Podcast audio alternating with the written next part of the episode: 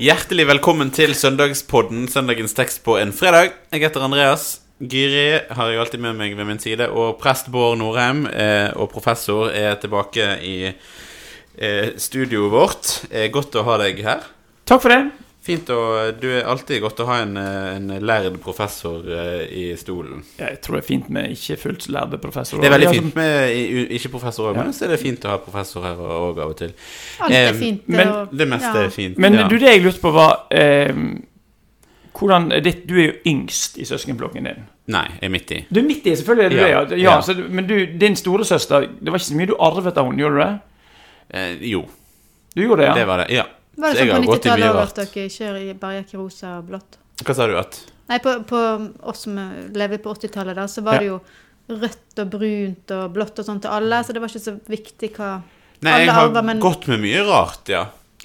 Eh, men mine foreldre har vært veldig lite opptatt av på en måte jente- og gutteklær. ja. Ja. Men eh, jeg har arva litt.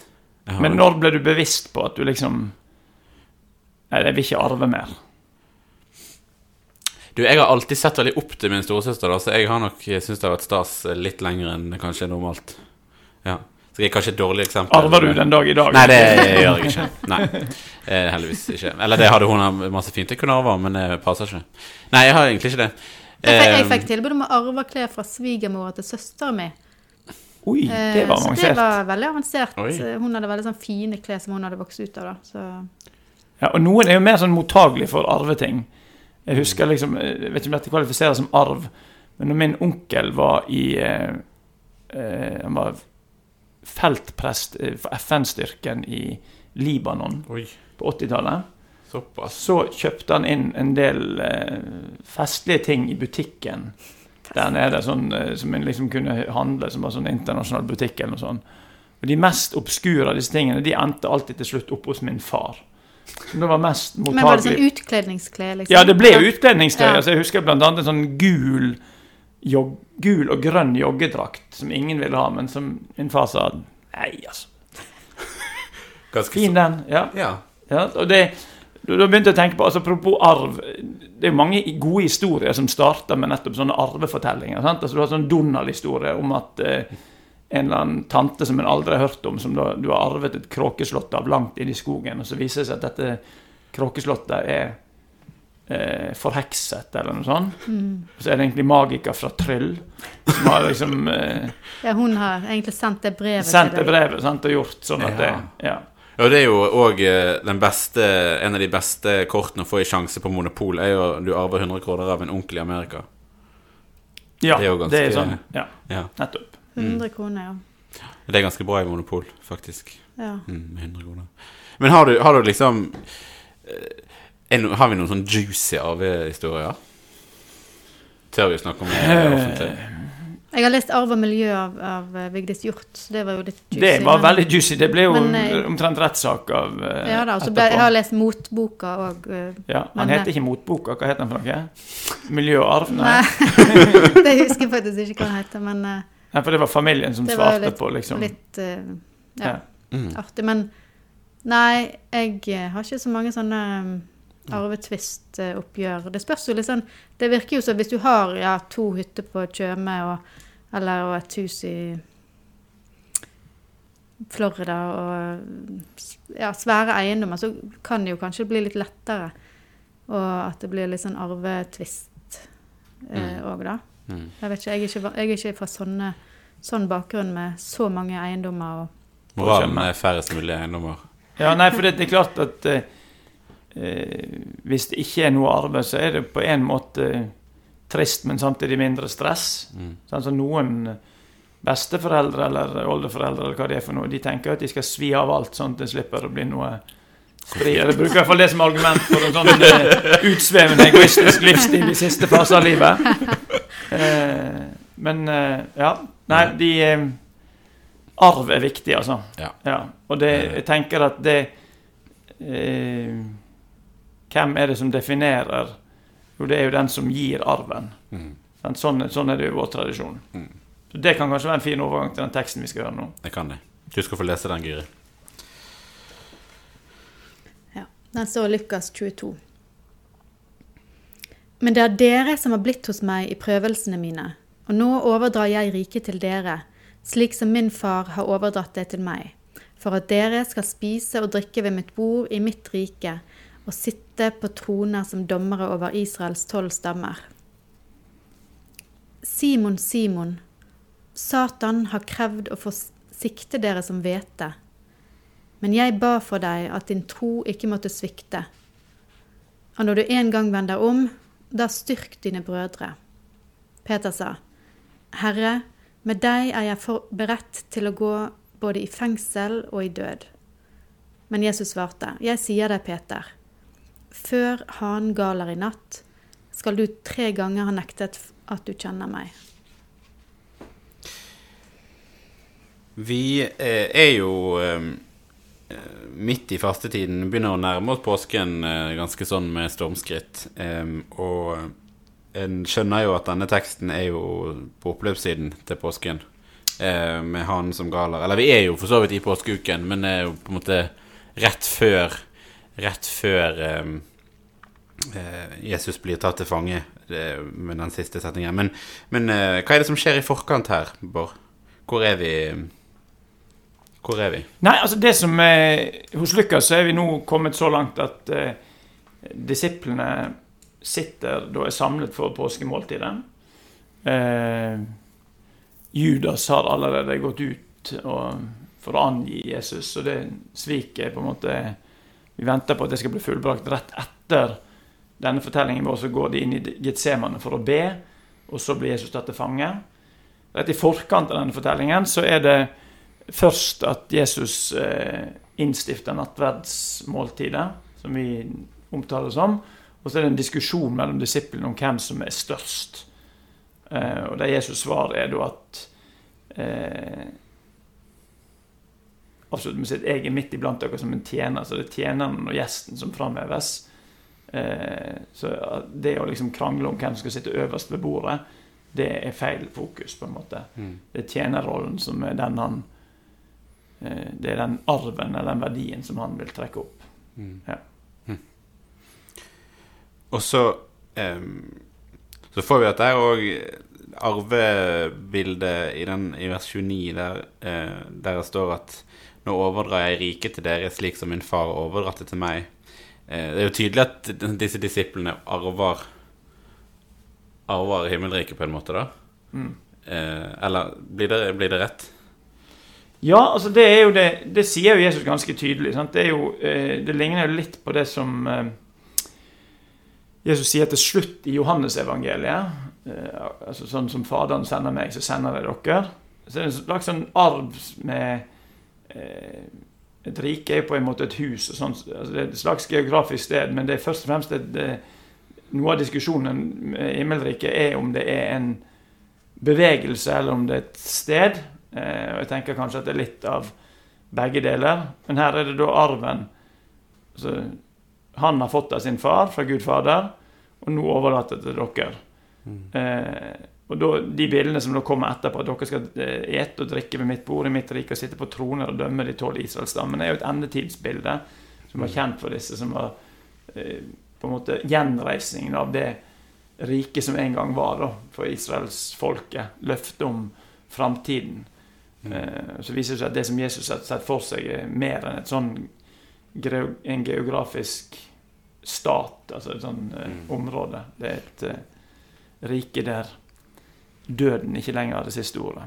Men gir han de, altså dette med de troner som dommere, gir han disiplene en sånn spesiell plass i dette riket? Eh, du snakket om at det var, var det tjener, at du skulle ha et sånt tjenerperspektiv på det, men så likevel så gir Eller får ikke det til å stemme helt at han gir dem på en måte en sånn opphøyd plass? Jeg tenker at de er mer, Nå er ikke det ordet brukt her, det er brukt i noen lignelser et annet sted, men altså de er vel mer rimelig å snakke om de som forvaltere av dette riket. Okay. Ja, sant? At den eh, Den arven som da ingen eier i en viss forstand, men du forvalter den og har ansvar for å bringe den videre, mer enn å liksom Mm. kreve eiendomsrett og si, sette opp gjerder og si at her, Ja. inn hit, men ikke lenger. Mm. Så jeg tenker at det er mer, mer å forstå på den måten. ok. Mm. Der, det er jo et veldig liten, lite stykke vi har i dag, men de er på en måte to, veldig sånn todelt. Eller Ja. eh, Og hvis vi går videre til den andre delen, så den setningen er jo veldig rar. Satan har krevd å forsikte dere som hvete. Det høres jo Det høres så rart er eller, ja. Ikke så rart å sikte hvete. Det kan jo Andreas mye om. Han Nei, men hvis vi skulle ligge oppi den sikten, liksom. Ja, det er jo et bilde. Eller- Det er åpenbart. sant? Altså, det, er jo, det er et uttrykk for finsikting. Altså, et bilde på prøvelsen. Altså, det vi må se for oss her, er jo at Jesu komme til jorden beskrives som et kosmisk drama. Altså der eh, mellom Gud, som da vil at alle mennesker skal bli frelst og lære sannheten å kjenne, som det vel står i første Timotius, eller noe sånt, og eh, Guds motstander, Satan, altså Satan betyr jo motstander, rett og slett, som da ikke vil at Guds misjon på jorden skal lykkes. Eh, og da eh, På en måte da, I dette kosmiske dramaet så er fortellingen da at eh, Satan også har krevd at også menneskene som da sier ja til å tilhøre dette riket, også må bli utsatt for prøvelsene, eh, så vil jo vi da med det vi vet om teksten følger etterpå, vite at da vil tenke at de skal være koblet til Jesus og Jesu kraft. Men eh, det, det, det høres jo unektelig ut som en sånn litt sånn avtale på kammerset, ja. Eh, om at disse må prøves. Men det, jeg tenker at her dukker det opp motiver fra den teksten som er det i Lukas 4 om Jesu fristelse. Sant? Og at eh, så lenge vi lever på denne siden av himmelen, så vil også vi være stilt overfor de kreftene eller Guds motstander som vil rive oss bort fra dette. Mm. Og videre sant, så, så får vi jo denne her eh, ganske sånn kjente sitatet fra Peter med eh, at der han eh, Han går jo veldig hardt ut, som han stort sett gjør, sant, og sier at med deg vil jeg både gå i fengsel og dø for. Eh, og så svarer Jesus med, eh, med denne her Før han galer, så skal du ha fornektet meg tre ganger. Her snakker jo på en måte Jesus om det som skal komme. Eh, men Peter han, ikke, altså, han skjønner jo ikke at dette kommer til å skje. Eh, og, eh, og ja, med tanke på det vi, vi snakket om for, for eh, er vel fire uker siden, kanskje, på fastelavn, denne her måten Jesus Det ligger jo, en, det jo, ligger jo som en hemmelighet det her for Peter. Altså han, han skjønner jo ikke hva som egentlig kommer til å skje ennå, da. Nei, absolutt ikke. sant? Han, han kommer med en sånn hengiven eh, bekjennelse om at jeg er villig til å følge deg hvor det skal være, gå inn i fengsel og død. Og da kan du si at de som leser dette, kjenner kanskje de første leserne til og med, eller hørerne som hørte dette evangeliet opplest, de ville jo ha kjent til fortellingen om Peter som da som martyr. Sant? At han gikk i fengsel og død. Men samtidig så så jo Jesus eh, den nære fortellingen her, og, og, og ganske nedslående for Peter forteller at han skal ikke gale i natt, før du tre ganger har nektet for at du kjenner meg. Eh, men så eh, er det samtidig denne veien tilbake igjen, da. Sant? Eh, at, han, eh, at han skal vende om. Eh, akkurat det er jo fint eh, beskrevet, om ikke i Lukasevangeliet, så særlig sterkt i den dialogen som er helt til slutten i Johannesevangeliet, der eh, Peter på en måte blir sendt på nytt og blir, går inn i arvingrollen. Jeg tenker at det Kanskje noe av det viktigste med den teksten og fastetiden er at vi som arvinger i himmelriket, så blir vi egentlig sendebud. Så er vi sendebud for det Gud har å gi gjennom Jesus. Eh, det er ikke noe vi gjør krav på for å bare ha det med oss sjøl, men det er en arv som er annerledes enn andre typer arv, for den blir ikke mindre av at vi deler med andre. Så Det tenker jeg er en sånn eh, viktig poeng med himmelrikets arv, da. Ja. Vi skal eh, lande veldig snart. Um men helt sånn eh, eh, superkort på slutten. Jeg liker av og til å utfordre deg litt sånn på Bård på eh, sånn eh, fra toppen av hodet eh, et godt eh, prekenpoeng hvis du skulle ha prekt på søndag. Hvis jeg skulle prekt på søndag, så eh, ville jeg nok ikke snakket, snakket om eh, om baketeknikker, i hvert fall. Nei, du ville ikke det? Nei, det tror jeg ikke. Eh, men eh, jeg tror jeg ville eh, snakket om hva eh, Altså ga, altså Dette er en arv som er en gave. Altså hva gjør du med altså, To ting, da. Hva gjør en arv og en gave med deg? Hvordan forandrer det din status? Og det andre, hva gjør du med den gaven eller den arven? Det er de to tingene tror jeg ville snakket om. Eh, at når jeg blir arving, så skjer det, endres min status. Eh, og når dette er en arv som faktisk også er en gave, så kan jeg også gi den videre og endre andre menneskers status. Og Hvis det da skulle være en tredje ting, for det bør helst være tredje ting, Ja. så må en jo spørre at, uh, hva et sånt bilde på verden og relasjonen til Gud, hva gjør det med mine forventninger om framtiden, om himmelen? Mm. Så jeg tror jeg ville hatt det Mm. som uh, en slags sånn uh, Det er kanskje ikke en perfekt intro ennå, men det ville vært sånn innmaten kanskje i Mm. en preken på, en, Ja. på søndag. Den Det er vel altså da tredje søndag i fastetiden. Mm. Ja. Det høres bra ut. Da håper jeg at du kan preke om den teksten en gang eh, snart. Vi skal avslutte med å be vår far og velsignelsen. Vår Far i himmelen. La navnet ditt helliges. La riket ditt komme. La viljen din skje på jorden slik som i himmelen. Gi oss i dag vårt daglige brød, og tilgi oss vår skyld, slik også vi tilgir våre skyldnere. Og la oss ikke komme i fristelse, men frels oss fra det onde. For riket er ditt, og makten og æren i evighet. Amen. Velsign oss Gud Fader, velsign oss Guds Sønn, velsign oss Gud du Hellige Ånd.